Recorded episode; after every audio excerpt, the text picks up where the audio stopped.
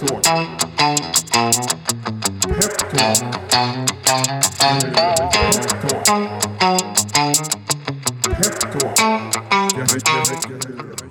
Då säger vi varmt välkomna till ännu ett avsnitt av eh, podden Peptalk, en podcast från Peppins och jag heter Filip Scholtze och det har ni säkert eh, lärt er nu vid det här laget. Jag har insett ibland att jag inte presenterar mig själv i början och det är oartigt så nu tänker jag att det ska jag, det ska jag fortsätta att eh, göra.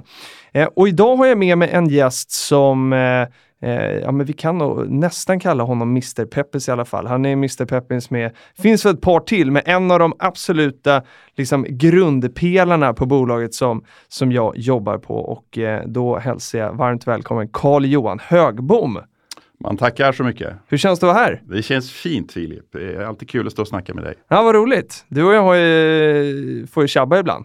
Det gör vi, oftast i positiv bemärkelse. Ja. Men ibland kan vi käfta emot varandra också. Det är kul. Ja, men det måste, den dynamiken måste ju finnas. Ja. Eh, ja, jag har inte jobbat här jättelänge på Peppins, men mina, eh, under mina första veckor i somras så fick du och jag skruva IKEA-möbler ja, det var semestertider där när det bara var du och jag på kontoret i stort sett och det var 40 grader varmt inne. Det var, det var en bra start för vår, vår arbetsrelation. Ja men det var det. Man fick liksom, eh, man fick sättas på prov på en gång och liksom eh, eh, testa några andra moment än det som vi faktiskt jobbar med normalt. Eh, och för du är ju, hos oss är du chef för det vi kallar kvalitet och kontroll. Hur, hur spännande är det? Ja, det kanske inte låter så kul men eh, det behövs ju någon eh, som håller i lite ordning och reda och lite kloka gubben och jag har ju varit med ett tag så att jag har fått ta den rollen. Ja, det, det gör du verkligen och du gör det med, med bravur. Jag tänker där på det här IKEA-byggandet, så det är bra att vi hade lite kvalitet och kontroll där också. Ja, de sitter ihop fortfarande De dessutom. sitter faktiskt ihop fortfarande. Man har ju skruvat ihop en och annan IKEA-möbel genom åren. Man, eh, man har ju faktiskt det och du säkert några fler än mig. Men Carl-Johan, om du skulle få eh, med egna bara berätta, vem, eh, vem är Carl-Johan? Ja, eh, en erfaren eh, gubbe får jag väl kalla mig numera som har jobbat med aktier i stort sett hela mitt liv. Mm. Hela yrkeslivet i alla fall. Eh, gift med Marianne sedan 30 år tillbaks. Mm. Pappa till Alfred och Filip som har flyttat hemifrån för några år sedan. Eh, sålde villan i Södertälje för sju år sedan och bor nu i Liljeholmen, Stockholm. Vi Eh. bor ut med samma tvärbana du och jag. Ja, precis. Ibland stöter vi på varandra till och med på väg till jobbet. Exakt. Vem är jag mer då? Ehm, jag har varit mycket jobb genom åren. Eh, jag har jobbat på börsen och, och det blev långa dagar. Eh, familj och för länge sedan i alla fall små barn. Eh, Villaägare, villaskötsel. Lite skidåkning och resor om man har fått någon tid över. Ehm, det är väl ungefär så som mitt liv har sett ut de här första åren. Mm. Exakt, för det är, är många, många kvar. Ehm, och eh, jag tänkte sådär då på, vi har gjort lite hockeylag på Peppins. Ehm, jag är djurgårdare, vi har haft en del aik som, eh, som gäster i den här också. Jag måste ju fråga dig då som är från Södertälje, håller du på SSK? Självklart, en gång SSK, alltid SSK. Det har varit några tunga år men eh, nu ligger vi i alla fall på slutspelsplats i allsvenskan. Så att vem vet, vi Ja. kanske kommer tillbaka så småningom. Ja, ni är så varmt välkomna upp till, eh, till, till värmen. Eh, jag funderar också på, eh, skulle det inte vara aktuellt för Södertälje att göra en lite crowdfunding? Hade inte det varit kul? Det vore kul. Eh, då kanske jag blir lite jävig men jag får försöka hålla mig från det. Men, men nej, det ser jag fram emot i så fall. Är det någon som klarar av att inte vara jävig så, så tror jag att det är du. För jag tänkte vi skulle komma in lite grann på, eh, ja, men en, en viktig grej för den här podden är ju att eh, ni som lyssnar ska få lära känna liksom Peppins genom våra medarbetare. För att jag tycker det är, ja, men det är ett ganska bra sätt att lära känna ett bolag. Och ni lyssnar på, på Latif och ni har lyssnat på eh, Peter Norman som är vår ordförande. Ni har lyssnat på Julia Rysner som är vår vd. Och jag har sagt till alla eh, på bolaget att ni är varmt välkomna till den här studion så ska vi eh, liksom lära känna Peppins genom er. Eh, och eh, idag får vi då äran att göra med Carl Johan och då undrar jag så här, vad är det du gör på Peppins egentligen? Vad betyder kvalitet och kontroll? Ja, eh, alltså jag försöker ju se till att den information som lämnar oss eh, har ett bra och relevant innehåll. Eh, ett memorandum till exempel som ges ut i samband med en emission ska ha bra kvalitet och faktiskt berätta det som är viktigt. Mm. Ett, ett börsprospekt idag är, är över 100 sidor oftast och, och varav 80, de flesta hoppar över 80 av dem. Så vi försöker göra en koncentrerad och bra produkt på 20-30 sidor, ibland mm. kanske något mer. Men, men någonstans räcker det med, med det antalet sidor för att få en bra information om det bolag man ska investera i. Mm. Sen så granskar eh, vi ju bolagen innan vi släpper ut dem till, till, kunderna, innan vi skriver det här memorandumet. Just det. Eh, och vi tar gärna emot unga bolag och det får gärna vara hög risk. Eh, för det är oftast en förutsättning för att få bra avkastning. Men då ska det framgå också att det här bolaget har en högre risk än, än kanske ett, ett, bolag som är på väg till börsen. Mm. Eh, det finns ju ett, ett, tyvärr kanske man ska säga, ett samband mellan risk och reward. Eh, det vill säga högre risk kan ge högre avkastning. Eh, och därav då det vi pläderar hela tiden med riskspridning. Mm. Eh, det är A och O lite grann i den marknad som, som vi lever på. Lägg inte alla ägg i samma korg. Nej. Utan sprid dina investeringar i, i 10, kanske 20 av våra bolag. Då är sannolikheten relativt hög att du faktiskt får bra avkastning. Mm. Och eh, det, det, är klart, det hade ju varit fantastiskt om det var att eh, ju lägre risk desto högre avkastning. Det hade varit ett fint samband alltså. Det ja, hade varit riktigt bra. Då hade inte vi behövts nästan. Nej, nej, men, nej men faktiskt så. Eh, jag har ju också skrivit, eh, skrivit till på den här. Jag skriver alltid en agenda som jag skickar ut och så brukar jag skriva lite stödpunkter. Eh, och efter kvalitet och kontroll så skrev jag trivselmakare och tungt stöd. För det vill jag verkligen skicka med här. Eh, att du är ju världens roligaste chef för kvalitet och kontroll. det, det ska du ha alltså. alltså det... ett, ett, ett stöd med, med, den bakgrund som jag har och, och, och, erfarenhet med genom åren så, så blir man ju lite av kloka gubben som, som glider omkring och, och kommenterar saker och ting. Men, men jag har väl blivit den som man ofta frågar om detaljer och, och, jag läser alltid en text innan den publiceras och ser till att den dels är korrekt och att den följer de krav som faktiskt vi har på oss från Finansinspektionen och andra. Eh, och trivselmakare, ja det, det, får väl du och kanske andra svara på. Men, men jag har kul på jobbet och det brukar vara en ganska bra förutsättning för att, att, att ha trevligt med, med sina kollegor. Vad är det som är roligast med att jobba på Peppins då? Ja, en stor sak är den du nämner faktiskt, att vi är ett, ett, dels ett kul gäng eh, på, på närmare 20 personer idag och att vi har så olika både bakgrund och erfarenhet. Mm. Jag får väl erkänna nu så här öppet i, i den här kanalen att jag är faktiskt äldst på Peppins. Mm. Någon måste ju vara det i och för sig. Exakt. eh, men, men vi är några till som då i alla fall ligger över 50 i, i ålder och eh, kombinationen av oss lite äldre då och, och eh, ett gäng runt 30 med helt andra och moderna eh, inställningar till saker och ting gör ju att vi är en otroligt dynamisk organisation och, mm. och det i sig är, är, ju en viktig grund för att ha kul på jobbet. Mm. Verkligen. Jag, eh, Eh, jag vet inte om jag berättade i den här eh, podden tidigare, men, men jag berättade det för dig i alla fall när vi stod på en mässa här i Nackastrand för ett par helger sedan. Eh, så var, det, var vi de här runt 30 minus som stod i monter. Då var det någon som kom fram till mig som, som tyckte det var väldigt viktigt med ordning och reda och förtroende, för förtroende är viktigt i finansbranschen, som frågade i, i, liksom, finns det inga erfarna på Peppin? Så då kunde jag ganska nöjt och säga att jo, vi har, vi har de tyngsta. Ja, vi har den där gubben Högbom som går där och Exakt. Ja. ja, det är väldigt bra. Varifrån kommer intresset för aktier då? Ja, egentligen är det tillfälligheter som, som det mesta här i livet. Alltså det här med karriärplanering, det tror jag inte ett dugg på, utan livet är fullt av tillfälligheter. Det gäller även din karriär. Mm. I mitt fall var det faktiskt ett krogbesök en helg under tiden jag låg i lumpen som gjorde att jag hamnade där jag, där jag hamnade. Jag träffade en klasskompis eh, som jag kände från gymnasiet. Vi umgicks inte direkt utan vi bara kände till varandra. Eh, jag kommer ihåg honom som en ganska trevlig prick och, och, han berättade då den där kvällen att han hade sökt in till ekonomlinjen på Stockholms mm. universitet. Eh, och då tänkte jag att ah, han var ju en rätt kul prick, jag, jag, gör det också. Och så sökte jag till ekonomlinjen på Stockholms universitet. Och eh, för att finansiera lite grann våra studier då, utöver studielånet så eh, köpte vi premieobligationer för våra mm. studielån. Och premie var på den tiden liksom det heta värdepappret i Stockholm. Aktier var dött. Det, det är den här lottosedeln? Premieobligationer var ju en statlig emitterad obligation eh, för att finansiera budgetunderskottet där avkastningen bestod i form av ett lotteri. Mm. Där det eh, för de flesta fall fyra gånger om året lottades ut ett antal procent i, i avkastning men mm. i större belopp. Eh, och vi trodde ju inte på turen där så att vi, vi köpte premierna efter dragning. Mm. Och sen så gick de alltid upp 10% ungefär till nästa dragning. Mm. Och då sålde vi innan dragningen. Så vi tjänade 10% fyra gånger om året. Så okay. det blev liksom 40% mer eller mindre garanterad avkastning. Snyggt! Det var rätt snyggt tycker jag också nu så här några år senare. Eh, Och den finansierade några krogrunder till då kanske? det finansierade några krogrunder till eh, och, och givetvis mina studier. Ja. Eh, Men det här gjorde att vi fick lite kontakt med börsen. Vi var där och, och hämtade lite statistik. För vi skrev sen vår examensuppsats om just premieobligationer också. Mm. Eh, Så det, det var den kontakt jag fick med börsen. Och sen när jag var klar med mina studier så råkade jag se en platsannons att börsen sökte en så kallad biträdande börssekreterare som det hette på den tiden. Oj, vad, sp- Så vad, jag sökte jobbet och fick det. ja, vad innebar det jobbet då? Och grattis förresten till biträdande börssekreterare.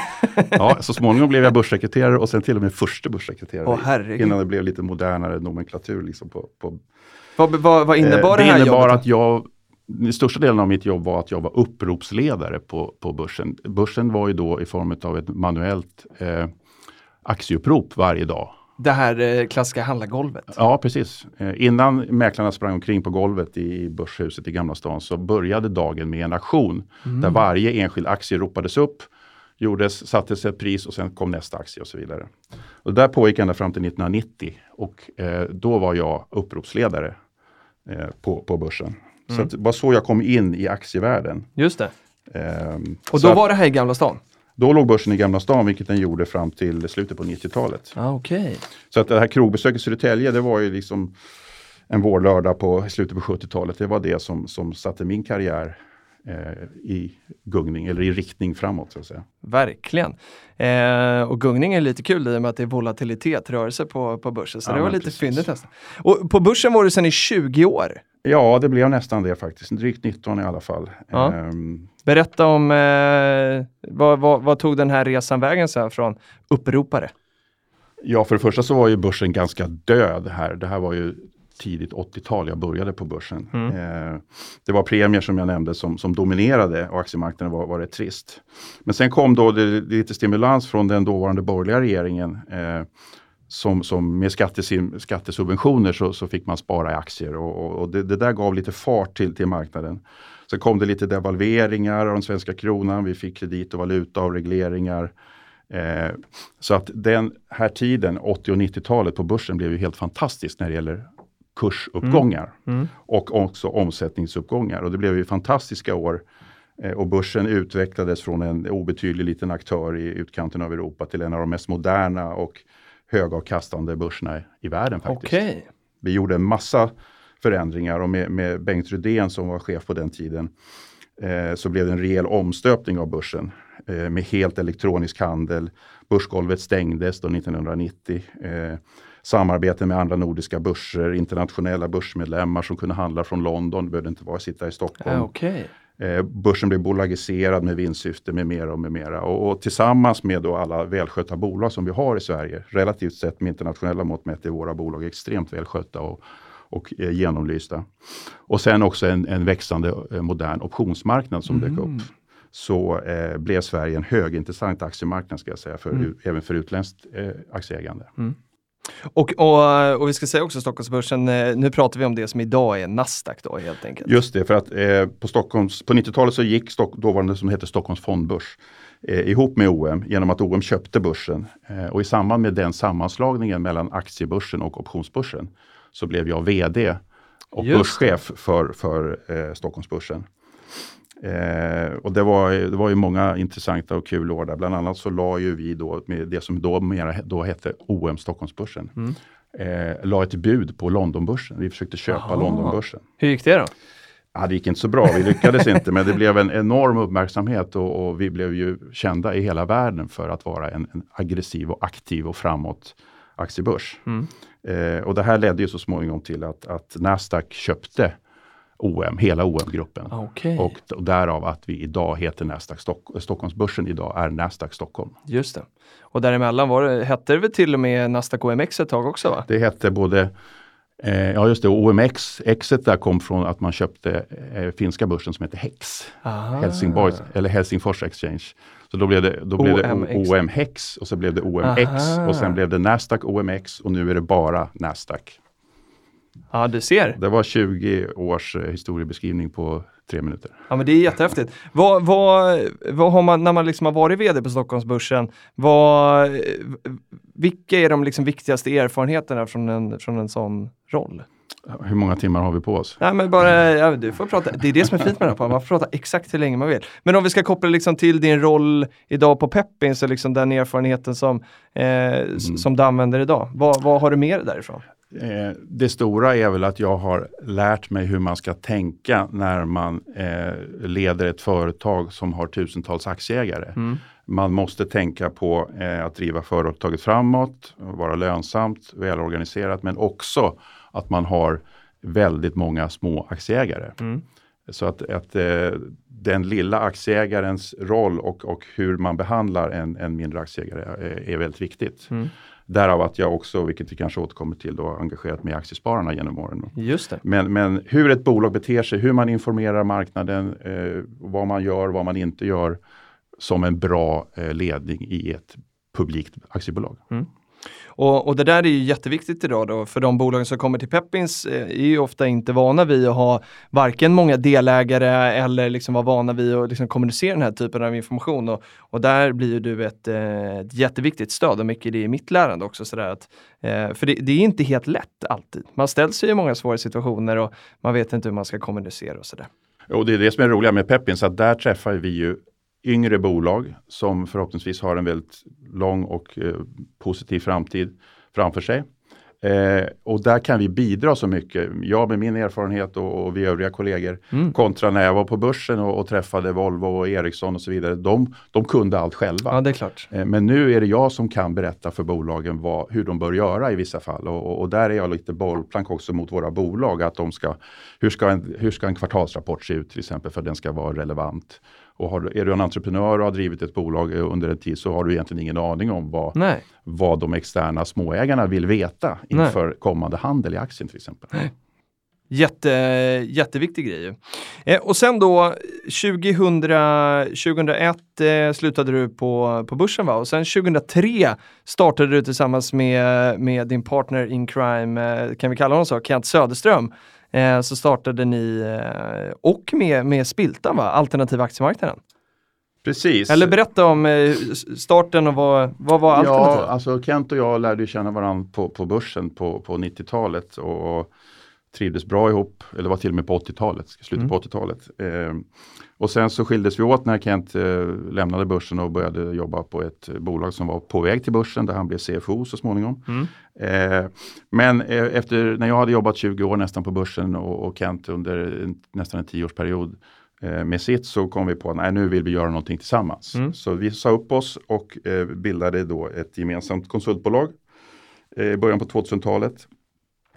Och eh, vi eh, bestämde oss för att bli rådgivare till blivande börsbolag, att göra dem mm. lite börs, börsmässiga. Så de visste hur de skulle bete sig. Det hade ju varit lite si och så med det kan man väl erkänna. När det välde in bolag under IT-boomen ah. till börsen alldeles för tidigt. De kom till börsen långt innan de var börsmogna. Ja. Så det var vår tanke att det skulle vi jobba med.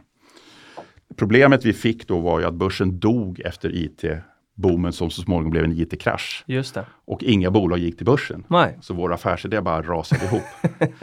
Men istället så träffade vi bolag som, som hade tagit kanske de första stegen till notering och skaffat sig de första hundra ägarna via bankernas eh, eh, private banking-avdelningar. Och satt, det var flera bolag som satt med hundra ägare eller ett par hundra ägare men hade, kom inte in på börsen för att eh, börsen liksom ah. nästan var stängd. Ja.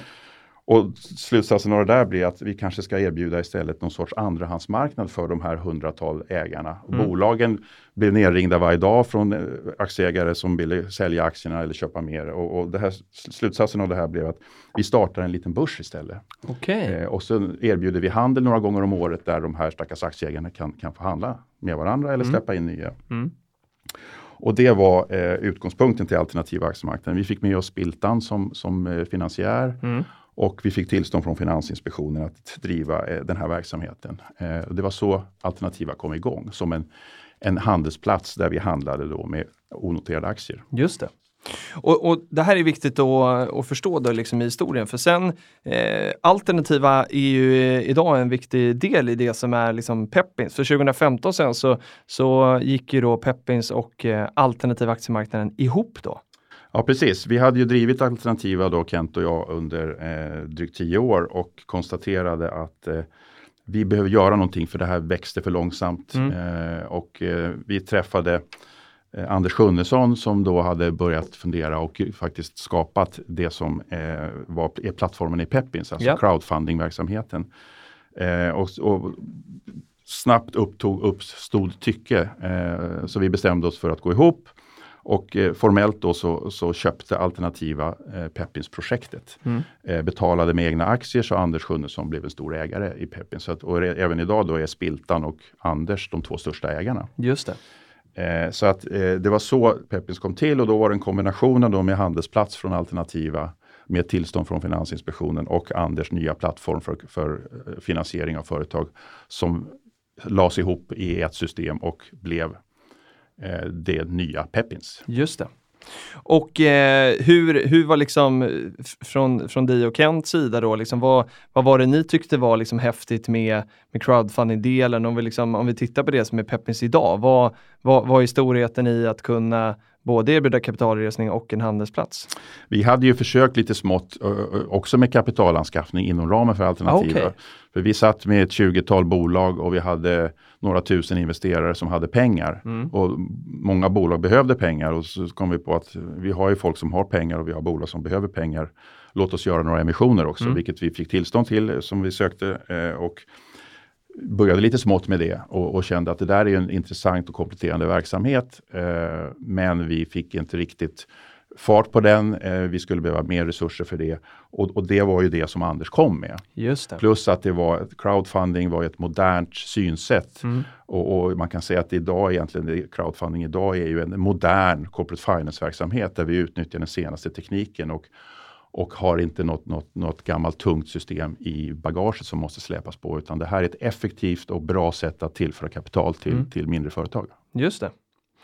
Och, ehm, eh, och det var 2015 och sen eh, tänkte jag vi skulle också trycka in det som, eh, som du var lite inne på här. Du har ju, det här aktieintresset eh, har ju också gjort att du har skaffat ett engagemang eller fått förtroendet ju. Eh, för det är precis det det är att eh, sitta i Aktiespararnas förbundsstyrelse och också vara ordförande för eh, Aktieinvest. Berätta om eh, det engagemanget. Ja, liksom har man jobbat med aktier hela sitt yrkesliv så får man ju respektera att det är det enda man kan. Och då måste man hitta lite sysselsättningar runt omkring det och då ju förstås då börsverksamheten Peppins eh, två viktiga delar. Mm. Eh, men även Aktiespararnas vars, vars ideologi, man får säga så, jag sympatiserar med eh, är ju en, en viktig organisation som, som tar de mindre aktiespararnas eh, intressen Mm. till, och tillgodoser dem. Och eh, när jag fick frågan då om att, att eh, gå med i styrelsen i Aktiespararna för, jag tror det var 2011, 2012 kanske, eh, så var det ganska självklart. Jag hade haft mycket kontakt med Aktiespararna under mina år på, på börsen. Mm. Eh, men då kunde jag inte på något sätt vara, vara aktiv eftersom jag hade det jobb jag hade. Men, men i det här läget så blev det ganska naturligt. Och eh, jag har suttit i styrelsen då sen, sen dess och är numera också då vice ordförande i styrelsen. Just det. Jag har till och med under en period faktiskt varit tillförordnad VD. Ja, så pass till och med. Eh, mellan två VDR så, så fick jag hoppa in innan Carl Rosén tillträdde. Eh, Ah, just det. så att jag har hunnit med det också. Och Aktieinvest är, är ju helägt av Aktiespararna. Exakt. Eh, och, eh, En stund till. en stund till, ja. Så därför var det ju, var det ju viktigt att, att någon från styr, styrelsen i Aktiespararna tog sitt ägaransvar och, och då har jag och några andra till från styrelsen suttit i styrelsen tillsammans med några externer också. Men som du sa, att numera så eh, är ju eh, sedan några veckor tillbaka så har eh, Pareto lagt ett bud och köpt upp eh, Aktieinvest. Just det. Och eh, tillträdet har ännu inte skett, därför sa jag att jag fortfarande är ordförande. Exakt. Men vid årsskiftet, vid årsskiftet så, så avgår jag och övriga styrelsen och den nya ägaren tillsätter en, en ny styrelse. Vad ska du göra med all den tiden då? Ja, det får man väl se. Det har väl inte varit något större problem kanske att få tiden att gå. Vilka skruvar mer IKEA-möbler kanske? Ja, vi kanske ska göra det. Nej, men jag tillbringar gärna mer tid på, på Peppins. Det är ju en fantastisk skapelse bara i början av sin utveckling. Eh, vi tillför kapital till, till spännande bolag och, och erbjuder aktiehandel. Så det är precis de områdena som jag kan väl och, och, och brinner för. Och om några år så är vi säkert både större och bredare. Mm. Nya produkter och nya tjänster. Både inom och utom Sveriges gränser. Så att eh, Peppins kommer att Det kommer att finnas växa vidare. Ja, men vi har, verkligen. resan har bara börjat. Och, och då har ju vi inte liksom eh, berättat om alla dina eh, engagemang, för du sitter faktiskt också i disciplinnämnden för Börsen och Swedsec. Vad, vad innebär det här? Eh, I börsens fall så eh, är det ju när börsbolag har eh, misskött sin informationsgivning till exempel eller gjort avsteg från det åtagande man har gjort med börsen i sitt eh, noteringsavtal. Mm. Då eh, vill börsen eh, kritisera bolagen och tala om så här får ni inte göra, aj, aj. Och då eh, hamnar bolagen ofta i disciplinnämnden. Och där då är jag ledamot eh, där vi eh, tar ställning till de här påpekandena som börsen gör. Mm. Bolagen får, får försvara sig och sen är det disciplinnämnden som ut, utdömer eventuellt vite eller varning till, till bolagen. Mm. Det kan till och med bli form av att man slänger ut bolagen, alltså av, avnotering. Okej. Men där, där måste det vara lite intressekonflikt i och med att eh, börsen är, det är ju deras kunder liksom. Ja, det är därför de har då en extern disciplinnämnd som fattar de här besluten. Så du är helt, eller ni som sitter där är helt oberoende börsen då egentligen? Vi är helt oberoende börsen. Det, är, eh, det ska vara en blandning av, av erfarna jurister, Mm. från, eh, de flesta från Högsta domstolen, Okej. och eh, då ekonomer som, som jag med olika erfarenheter från aktiemarknaden. Och Swedsec då? Det, har man jobbat i finansbranschen så kanske man har stött på att man kan få ta det här Swedsec-licensen. Eh, och då undrar man ju, vad, vad gör du i en disciplinnämnd? Vad hittar ni på där? Ja, det är ungefär samma sak att som Swedsec-licensierad person så har du en massa skyldigheter. Du, det regleras vad du får göra och inte göra, hur du ska bete dig i, i, i din tjänst. Och eh, så din arbetsgivare har då skyldighet att, om de är medlemmar i Swedsec, vilket i princip alla är, så, så eh, har man skyldighet att anmäla till Swedsec om någon licenshavare har misskött sig. Just det. Och eh, då kan man bli av med sin licens eller man kan få en varning från, eller en erinran från disciplinnämnden. Och är det samma här att ni är oberoende, eller Swedsec kanske är en oberoende part till och med? Swedsec är en oberoende part som ägs av, av, av fondhandeln men, men disciplinnämnden är säga, ännu mer oberoende. För det är samma, samma upplägg som börsens discipliner. Så det är erfarna jurister och, och eh, folk från, från marknaden som, som, som inte då har någon koppling till, till, till branschen. Och skulle man ha det av någon anledning så får man givetvis jäva ut sig. Just det. Och, eh, och jag försöker liksom hitta en röd tråd där i det vi började prata med om med kvalitet och kontroll, eh, att liksom se till att memorandum och dokument som går ut från Peppin ser att det är liksom det viktigaste och med och eh, vi ska se till att bolagen är duktiga på att kommunicera och så slänger ut buset och sådär. Eh, hur, hur viktigt är det att eh, liksom eller så här, det ska inte vara en ledande fråga, men min röda, min röda tråd är liksom förtroendet för finansbranschen. Att det är mycket det du liksom jobbar med brett i alla de här också i aktiespararrollen. Eh, att upprätthålla ett högt förtroende. Eh, är, är det en utmaning? Nej, inte en utmaning men jag tycker det är Finns det mycket någonting bus? självklart att, att eh, vi är så beroende i Sverige och många andra länder också av en fungerande aktiemarknad. Vad man än tycker om, om aktier och, och, och vad man än har för politisk ideologi så är vi alla beroende av hur det går på aktiemarknaden eh, Mm. med våra pensioner till exempel. Just det. Eh, och eh, då är det givetvis viktigt att alla har ett förtroende för den här marknaden, att den fungerar på ett rätt och schysst sätt Mm. och att, att eh, den, den avkastning som, som man kan få på sin pension faktiskt är, är okej. Mm. Eh, och, och då känner jag att med den bakgrund som jag har så, så vet jag en del om, om hur man ska bete sig och hur man inte ska bete sig. Och då har det blivit så, jag hör ju vad du säger, att det, jag är ju med på de här hörnen där man sysslar mycket med ordning och reda Mm. och kvalitet. Och trots att jag är ekonom i botten så har jag blivit lite, lite halvjurist. Eh, Ja, det är många som tror att du är jurist på Peppin sådär och så bara, nej han är faktiskt inte jurist. Jag har bara 10 poäng, så att, vilket förr i tiden var ändå var en termin. Ja, just det. Nej, förlåt, en halv termin. En halv termin, så sju och en halva idag. Ja, just det. En halv termin är det. Just det. Och eh, du har ju nämnt innan också här att eh, Peppi står under tillsyn av Finansinspektionen och det här är ju inte, eh, det gör ju inte alla eh, liksom, crowdfunding-plattformar eller inte ens alla som håller på med, med, med aktiehandel och sådär. Eh, eller jo, det, jo, nej vi låter dig svara på det här. Min fråga är, hur viktigt är det att vara under tillsyn? Man tänker ändå så här myndigheter, blir det mycket fyrkantigt och är vi låsta i det eller är, är det liksom en förutsättning för att göra det vi gör? Eh, det är inte en förutsättning men det är, och vi, ja, vi blir låsta och styrda. Mm. Eh, det, det blir mycket jobb och det begränsar lite grann vad vi får göra. Men samtidigt är det ju en kvalitetsstämpel Mm. eh, och då är jag tillbaks till, min- till min roll igen. alltså att, att eh, det gäller att våra kunder har förtroende för det vi gör. Vi kan aldrig garantera att inte några bolag eh, går omkull hos Nej, oss. Eh, det, det, är inte det som är kvalitet. Det är investeringens kvalitet, den får du som investerare avgöra. Vi ska se till att du får ett bra beslutsunderlag och att vi i övrigt beter oss så som en, en aktör under tillsyn ska göra. Mm. Och, och, det är inget krav att man som crowdfundingaktör är, är under Finansinspektionens tillsyn, men jag tycker att det är mer eller mindre en självklarhet för att eh, då kan kunderna mer lita på vad man gör mm. än, än, om man inte står under tillsyn. Det finns någon som sitter med pekfingret i ögat på oss hela tiden. Mm. Och vad innebär det för oss då? Liksom, eh, måste vi hålla på och berätta för dem vad vi gör och kommer de att göra stickprov? Eller vad innebär det att, att leva under tillsyn som du har gjort hela livet.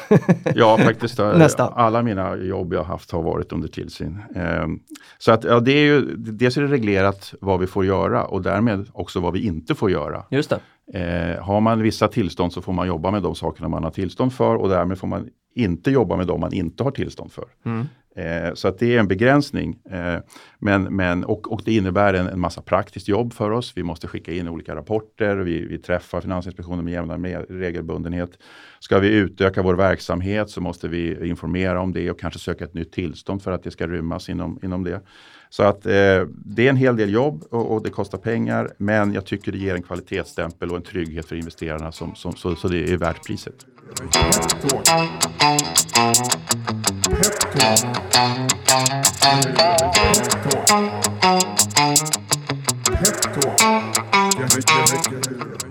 Nu Carl-Johan tänkte jag att eh, du och jag skulle prata om handeln på Peppins. Eh, det som, eh, som, som du startade med alternativa aktiemarknaden och som är en, en jätteviktig del av Peppins affärsmodell idag. Eh, om du skulle få liksom, berätta om vår handelsplats, vad, vad hur skulle du vilja sammanfatta den? Vad är det för något? Ja, för det första så ska jag säga att, att det är en ganska naturlig del att om man erbjuder investeringar i aktier mm. så behövs det en möjlighet för investeraren att kunna kliva av sin investering. Mm. Eh, ingen vill bli inlåst i 5-6 år innan den här aktien kanske blir börsnoterad. Utan vi erbjuder handel redan efter ett år efter att investeringen är gjord. Just det. Eh, och det gör att fler vågar investera. Mm. Så det är fördel för bolagen eh, att det finns en, en organiserad marknadsplats i, i, samband med sin emission. Mm. Det är grunden i hela tänket. Eh, sen är ju inte det här en börsnotering på samma sätt. Det är inte alls lika bra, lika god likviditet som för Volvo och Ericsson. Alltså att det finns inte lika mycket aktier att handla Det är inte lika lätt att köpa och sälja aktier. Nej. Vi har inte handel varje dag för det finns för få aktier för det utan vi koncentrerar handeln till en gång i månaden eller en gång i kvartalet. Eh, så att det, det, är en begränsad handel men det är en fungerande och välorganiserad handel som gör att du törs investera mer i de här bolagen än vad du kanske hade gjort om det inte hade funnits handel. Mm. Därmed underlättar det kapitaltillförseln till små och medelstora företag. Just det. Hur, eh, vi säger ju nu att eh, det här är världens första marknadsplats för crowdfundade aktier. Men jag tänker att alternativa aktiemarknaden då som du var med och startade eh, fanns ju, har ju funnits mycket längre än så. Och det är ju, det är ju liksom den eh, plattformen, den handelsmodellen och med de tillstånden som, som vi idag har, Peppins Market. Hur unikt eh, var det med en, en, en handelsplats för onoterade aktier för liksom tio år sedan? Sverige har ju överhuvudtaget en ganska lång och bred erfarenhet av aktiehandel så att eh, vi är nästan världsmästare på aktiehandel och hur stor andel av Sveriges befolkning som äger aktier. Mm. Men den marknad vi startade i, i början på 2000-talet den var ju unik så tillvida att det var inte en börs enligt de begrepp som fanns då utan det här var en mäklarfirma som agerade som man var en börs. Eh, och det var massa diskussioner med Finansinspektionen innan vi fick tillstånd för att enligt deras synsätt så var vi en mäklarfirma men vi betedde oss som, som en börs. Eh, ah. Så det var lite speciellt för att få ihop det här med alla regler som fanns. Eh, men nu finns det nya regler eh, från EU som, som heter Mifid och, Mifid 1 och Mifid 2 och, och MAR och allt vad de heter. Så att det, idag är det inte lika konstigt, även om det inte finns några marknader som vi faktiskt i, i hela Europa ännu. Det har börjat dyka upp crowdfunding-aktörer som är, äldre än vad vi är, har inte förstått den här kopplingen mellan handel och, och kapitalanskaffning. Men, men nu har man från till exempel eh, en aktör i London börjat förstå det och håller på att försöka bygga upp en, en handelsplats och har tagit in 5 miljoner pund för att göra det. Eh, och, och de pengarna kommer inte att räcka långt. Så att det, det är dyrt att starta en marknadsplats på det här sättet. Just det. Och om, som bolag då, om man, eh, om man är på Peppins så handlas på Peppins Market kontra att man är eh, börsnoterad. Eh, vilken skillnad är det för, eh, för mig som liksom entreprenör eller vd för ett sådant bolag att eh, eh vara på Peppins Market eller liksom på börsen? Eh, börsen har ju genom alla år haft ett ganska strikt regelverk för hur du ska agera som, som ledning i ett, och ägare till, till ett noterat bolag. Allt ifrån eh, när du ska informera, hur du ska informera, hur insiders får agera och så vidare. Mm. Eh, och där har ju eh, då en marknad för onoterade aktier kunnat haft ett betydligt mindre formellt krav på bolagen. Eh, med den bakgrund som, som jag och, och, Kent hade när vi startade så klart att vi ville ju ändå att bolagen skulle informera. Mm. Men i och med att vi inte hade daglig handel så behövde det inte ske varje dag. Ja, utan det. det räckte med att man informerade inför det här handelstillfället man hade. Så det var ett enklare liv. Bolagen kunde fokusera på sin, sin verksamhet och driva bolaget framåt. Och sen en gång i månaden eller en gång i kvartalet så fick man informera om vad som hade hänt. Mm. Eh, nu finns det ju nya regler på aktiemarknaden som, som gör att det blir lite svårare att agera på det här sättet. Så att eh, hela Peppins struktur nu håller på att ses över med tanke på att vi också måste bli en, en det som numera kallas för i Sverige handelsplattform eller en MTF för att kunna driva vidare vår, vår handel. Och, och eh, det är, kommer att förändra livet lite grann för, för några av våra bolag. Mm. Eh, mer om det när, eh, när vi är där framme. Men, men eh, du som har liksom, eh, ja, men, eh, försökt berätta för bolag och tala om för dem varför det är så härligt att kunna vara liksom handlad. Vad, vad är det största värdet för, för mig som bolag att kunna erbjuda likviditet i aktierna? Alltså, var, var, varför ska man ha det om man är långsiktig och ska äga aktier för alltid? Alltså en, en eh, marknadsplats för aktier eh, bidrar ju till att förse näringslivet med riskvilligt kapital. Det är mm. en sån här klyscha som börser har.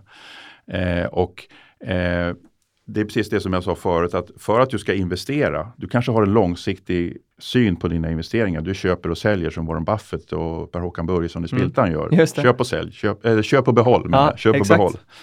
Eh, men det kommer alltid att finnas situationer och tillfällen där mer eller mindre oplanerat då det, du behöver få en likvid. Du kanske ska byta bil, pannan har gått sönder, du ska flytta en aktie måste vara en likvid tillgång. Mm. Och därför så får du fler och mer riskkapital i bolagen om man vet att aktien faktiskt är likvid. Jag kan byta den här mot pengar när jag vill. Eh, jag ska, jag ska vara långsiktig men om det inte går så, så kan jag alltid sälja. Just det. Och, och det är samma sak för, för den handel vi erbjuder. Att, att det är en förutsättning kanske för många att faktiskt investera. Mm. Att, att jag vet att jag kan sälja aktien. Jag behöver inte vänta Exakt.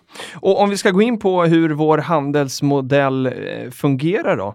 Eh, om, vi tar, eh, om vi tar det från början då. Du eh, var inne på att eh, vi handlas inte, vi handlas ju regelbundet men inte varje dag så eh, som, som börsen gör det, som vi, vanlig, som vi är vana med, med där. Berätta hur det fungerar på Peppins Market. Ja, vår tanke är ju att det är färre som vill handla i de här bolagen. Dels finns det färre ägare och sen så är man, har man en långsiktig inställning när man eh, köper den här typen av aktier. Men som jag sa tidigare så, så, behövs det alltid en möjlighet att handla och därför har vi valt att istället för att ha daglig handel, det vill säga 8 timmar om dagen, 250 vardagar om året, vilket förstås är en förutsättning för Hennes och Maurits och, och Ericsson och andra. Visst. Så har vi istället valt att koncentrera den lilla handel som finns till ett fåtal tillfällen. Mm. Då kan alla vara med samtidigt och handla en gång i månaden eller en gång i kvartalet eller vad det kan vara. Då får man en bättre prissättning och en bättre likviditet än att om, om Filip går in och handlar på måndagen, eh, jag går in och säljer på tisdagen, någon annan köper på fredagen. Det blir väldiga kast i aktien och kanske omöjligt att handla för just den dagen jag ville köpa så fanns det inga säljare. Och så Nej, kan man få alla att handla samtidigt Eh, med vår modell så är det betydligt bättre. Mm. Därav att vi inte har daglig handel, men regelbunden men eh, inte daglig handel. Just det. Och sen har vi någonting som kallas auktionshandel också kontra det som, eh, som börsen har, som är realtidshandel. Vad, vad är det för skillnad på de här två?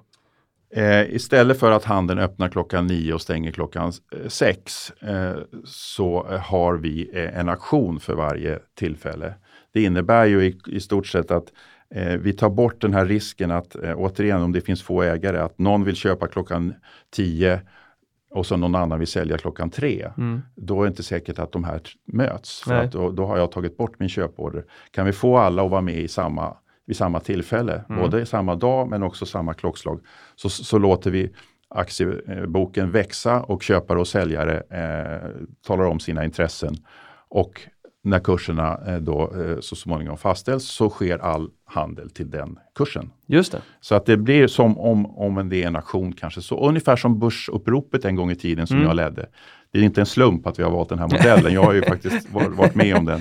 Och det var börsens sätt att handla varje dag. Okej, Eh, från 1863 när Stockholmsbörsen öppnade. okej, häftigt. Det var bättre förr alltså.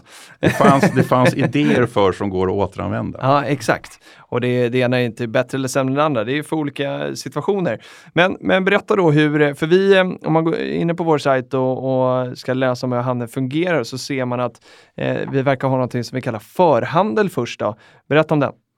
Ja, då får du som eh, investerare, alltså köpare eller säljare, eh, lägga ditt intresse. Eh, jag kan tänka mig att köpa den här aktien för en 10, 10 kronor eller jag kan tänka mig att sälja den här aktien för, för 20 kronor. Eh, och den där förhandeln, den här intresserapporteringen från aktieägarna eller från, från investerarna, den pågår i två dagar och Mm. vi kallar den för förhandel. Just det. Då kommer det in då ett antal intressen från både köpare och säljare. Och sen när den andra dagen är slut så eh, fastställer eh, vi på Peppins då en kurs Mm. Eh, där vi väger ihop köparnas och säljarnas intresse med jämför med senast betalt och ser vilka volymer det finns.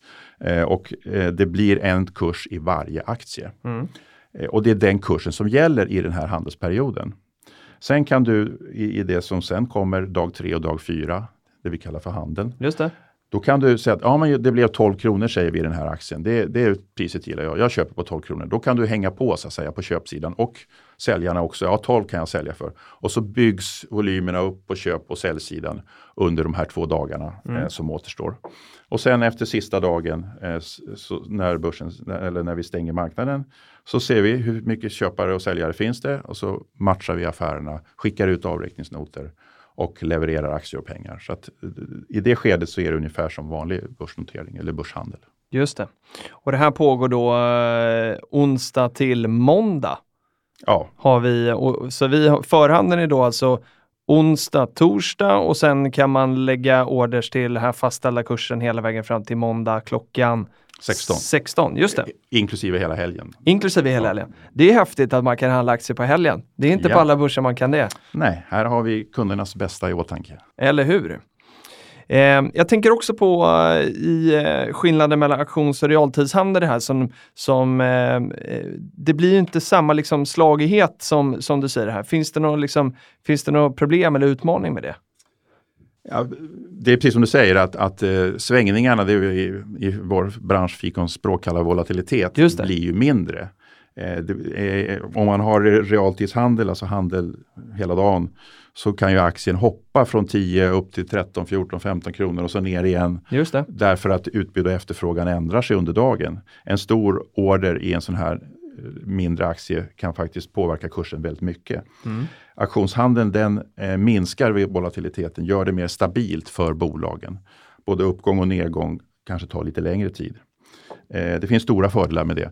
Eh, en nackdel är att folk inte är så vana vid den här typen av handel. Det är svårt att förstå första gången man, man handlar på vår marknad. Mm. För det är inte precis som det är att handla på börsen. Nej, Och där har vi eh, fortfarande ett jobb att göra för att vara pedagogiska nog och förklara det här. Framförallt för nya kunder. De som har varit med ett tag tycker det här är ganska naturligt. Mm.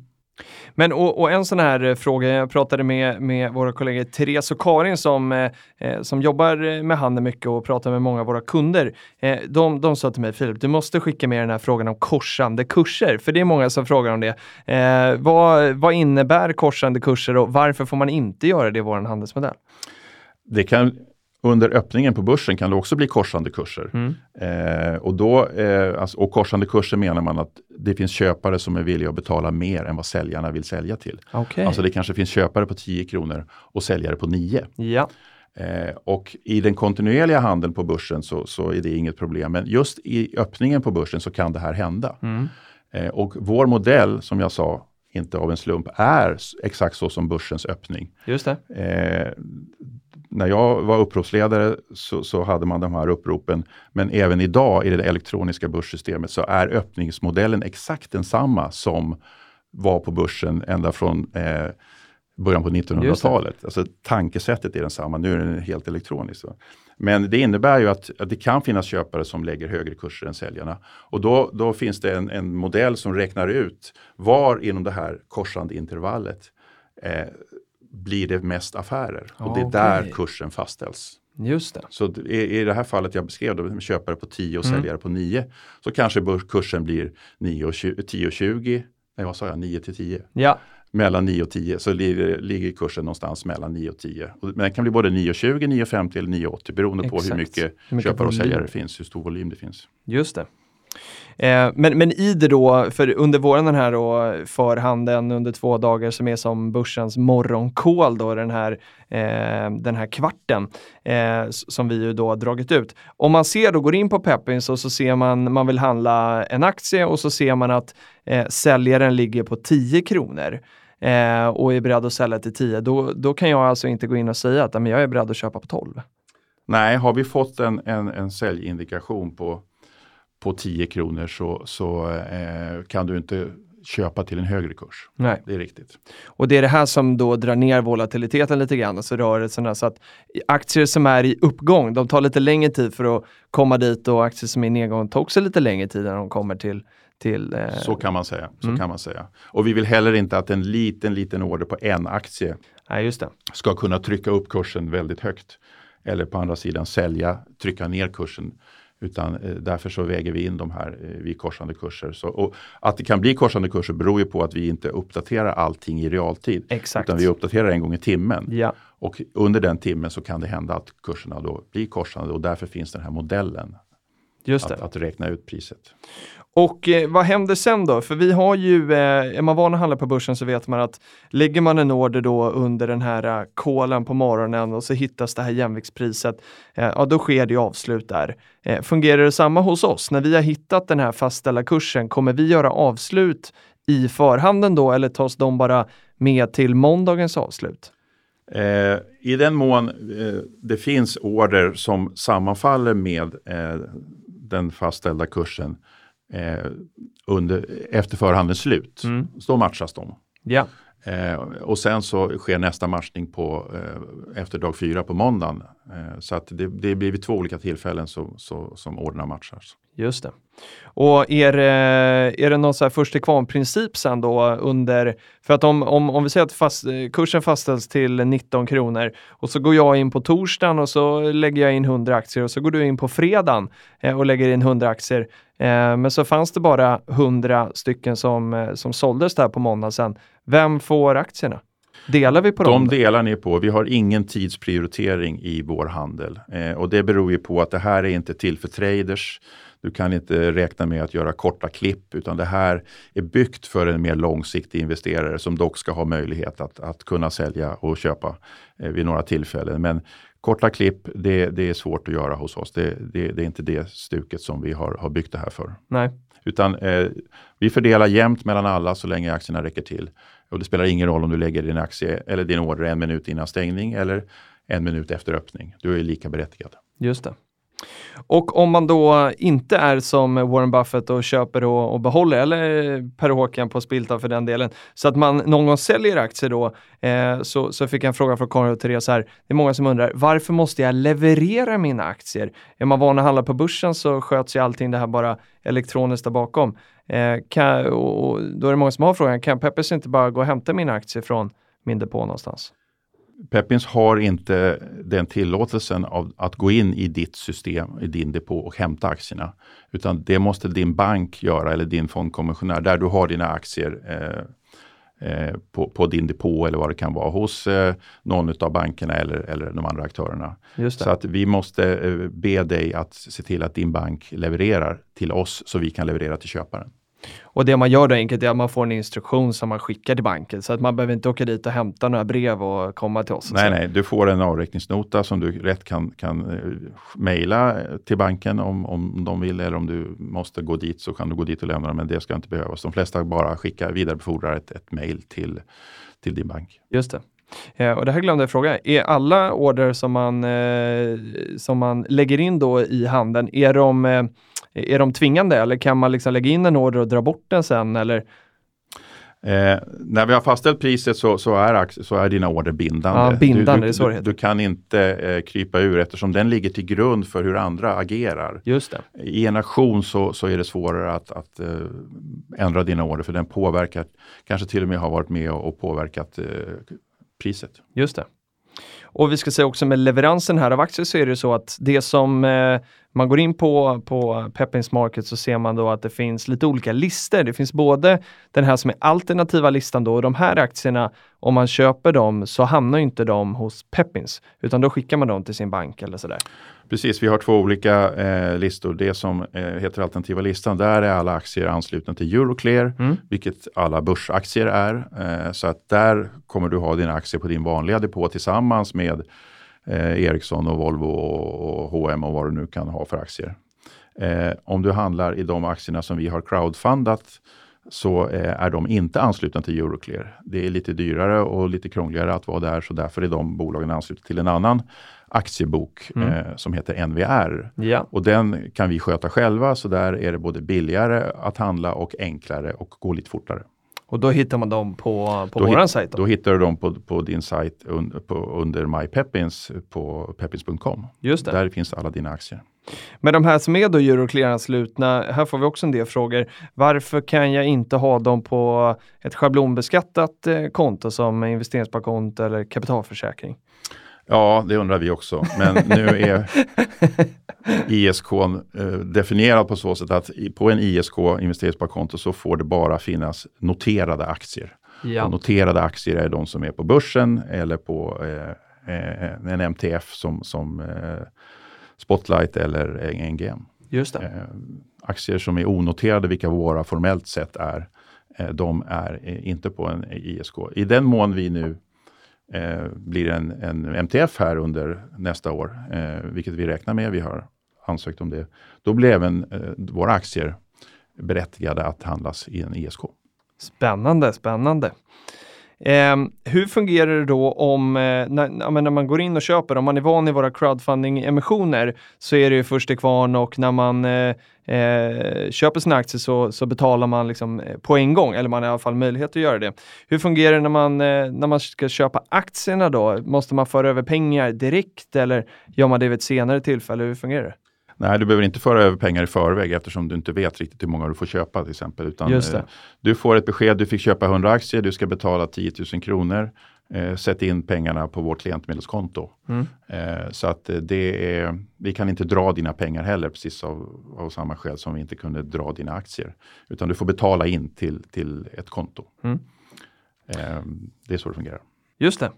Eh, och sen eh, fundera på de här crowdfundade aktierna då, så är det många som undrar eh, eh, varför det tar ett helt år innan vi handlar dem första gången. Vad är tanken där? Tanken är, för det första är ett år väldigt tidigt eh, om du jämför med noterade aktier. För, som, där har de bolagen kanske tagit in sina första ägare för 5-6 år sedan. Mm. Eh, och de har fått vänta väldigt länge. Eh, I vårt fall så gör vi en emission med crowdfunding och då tycker vi att bolaget som får de här pengarna måste hinna använda dem och, och, man ska se att de faktiskt gör nytta i bolaget och används på det sätt som det stod i memorandumet. Mm. Och har hunnit göra nytta dessutom, kanske fått igång försäljningen eller blivit färdig med sin, sin produkt eller tjänst och börjat generera intäkter. Så att vi vill helt enkelt se att pengarna har gjort nytta. Ja. Och då är det dags att, att börja handla och det brukar ta ungefär ett år efter emissionen. Mm. Och så tänkte jag sista som är det kanske minst spännande men aktieviktiga, skatten. Eh, om man eh, har handlat aktier någon gång då och sen säljer man dem på vår marknad och har gjort eh, vinst eller förlust. Hur fungerar skatten då? Ja, som det är idag när aktierna då eh, formellt är onoterade så, så är det lite lägre eh, reavinstskatt. Eh, den är på 25% istället för 30. I praktiken så, så eh, är det fem sjättedelar av normal skatt så att säga. Eh, blir vi, eh, eller när vi blir en MTF och en del av våra aktier kommer att handlas eh, som MTF, då blir det som vanliga börsaktier. Just det. Spännande, mycket, mycket enklare då. Ja, då blir det enklare att förstå. Det blir det verkligen. Mm. Så att, det, det ser vi fram emot är det något mer vi ska skicka med? Vi ska säga att alla våra handelsregler och sådär finns ju på, finns ju på hemsidan. Så vill man borra ner sig i någonting som Carl-Johan tycker är riktigt roligt så kan man, kan man läsa alla våra handelsregler och så kan man ringa till Carl-Johan och ha ett gott snack sen. Ja, jag får väl erkänna att jag är lite nörd på sådana ja, Smal får... men djup inom aktiehandel. Ja, Nej, men rent säga. allmänt kan jag bara säga att, att de aktier vi crowdfundar är ju eh, relativt unga, nya, spännande mm. bolag där man bör tänka sig för att sprida sina risker och, och invest gärna investera i flera, även om du bara har ett litet belopp, om du har 10 000 kronor och så är det bättre att köpa för 500 till 1000 kronor i, i flera aktier istället för att lägga alla 10 000 i en aktie. När det gäller alternativa listan så är det i många fall lite äldre och beprövade aktier mm. eh, som är Euroclear-anslutna. Så det är helt olika typer av, av, av aktier. Mm. Eh, och den stora potentialen är förstås att, att köpa eh, yngre eh, aktier med högre risk. Eh, men också det finns en hel del oupptäckta eh, små diamanter i, på alternativa listan som faktiskt kan både ge bra direktavkastning och, och god tillväxt. Just det. Gud vad spännande alltså och eh, det här avsnittet kommer ju då ut eh, inför handeln den 5 december som vi sätter igång och det är sista handelstillfället innan eh, nyår då. Just det och det brukar bli en intressant handel. Vi har då också handel i våra crowdfundade bolag på Pepins Market. Mm. Och den, en ny aktie där är, är AIK Hockey faktiskt. Ja just det. Det blir första gången här. Första gången vi handlar dem och se vad alla AIK fans agerar. Det har ju gått bra för AIK i Hockeyallsvenskan. Ja, verkligen. Det får se. Kanske både de och SSK ska ta sig upp till, till elitserien, säger jag alltid, men det heter ju SHL nu för tiden. Det ser jag fram emot. Ja, men det är jag faktiskt också som djurgårdare. Det, det är roligt med, med de där matcherna. Härligt Carl-Johan, vi börjar och avslutar med hockey. Det är ju fantastiskt ändå. och så har det varit förr i den här eh, podden också. Eh, som vi är jättetacksamma för att ni lyssnar på. Har ni frågor så, så hojta till. Det är bara att mejla till eh, mig på filip.peppins.com eh, och är frågan för svår så går jag bort till Carl-Johan och så sätter mig på den här hutchen som vi skruvade ihop i, i somras. Som eh, har väldigt bra hållbarhet för där brukar jag sitta ofta och, eh, och ställa dumma frågor och få väldigt bra svar.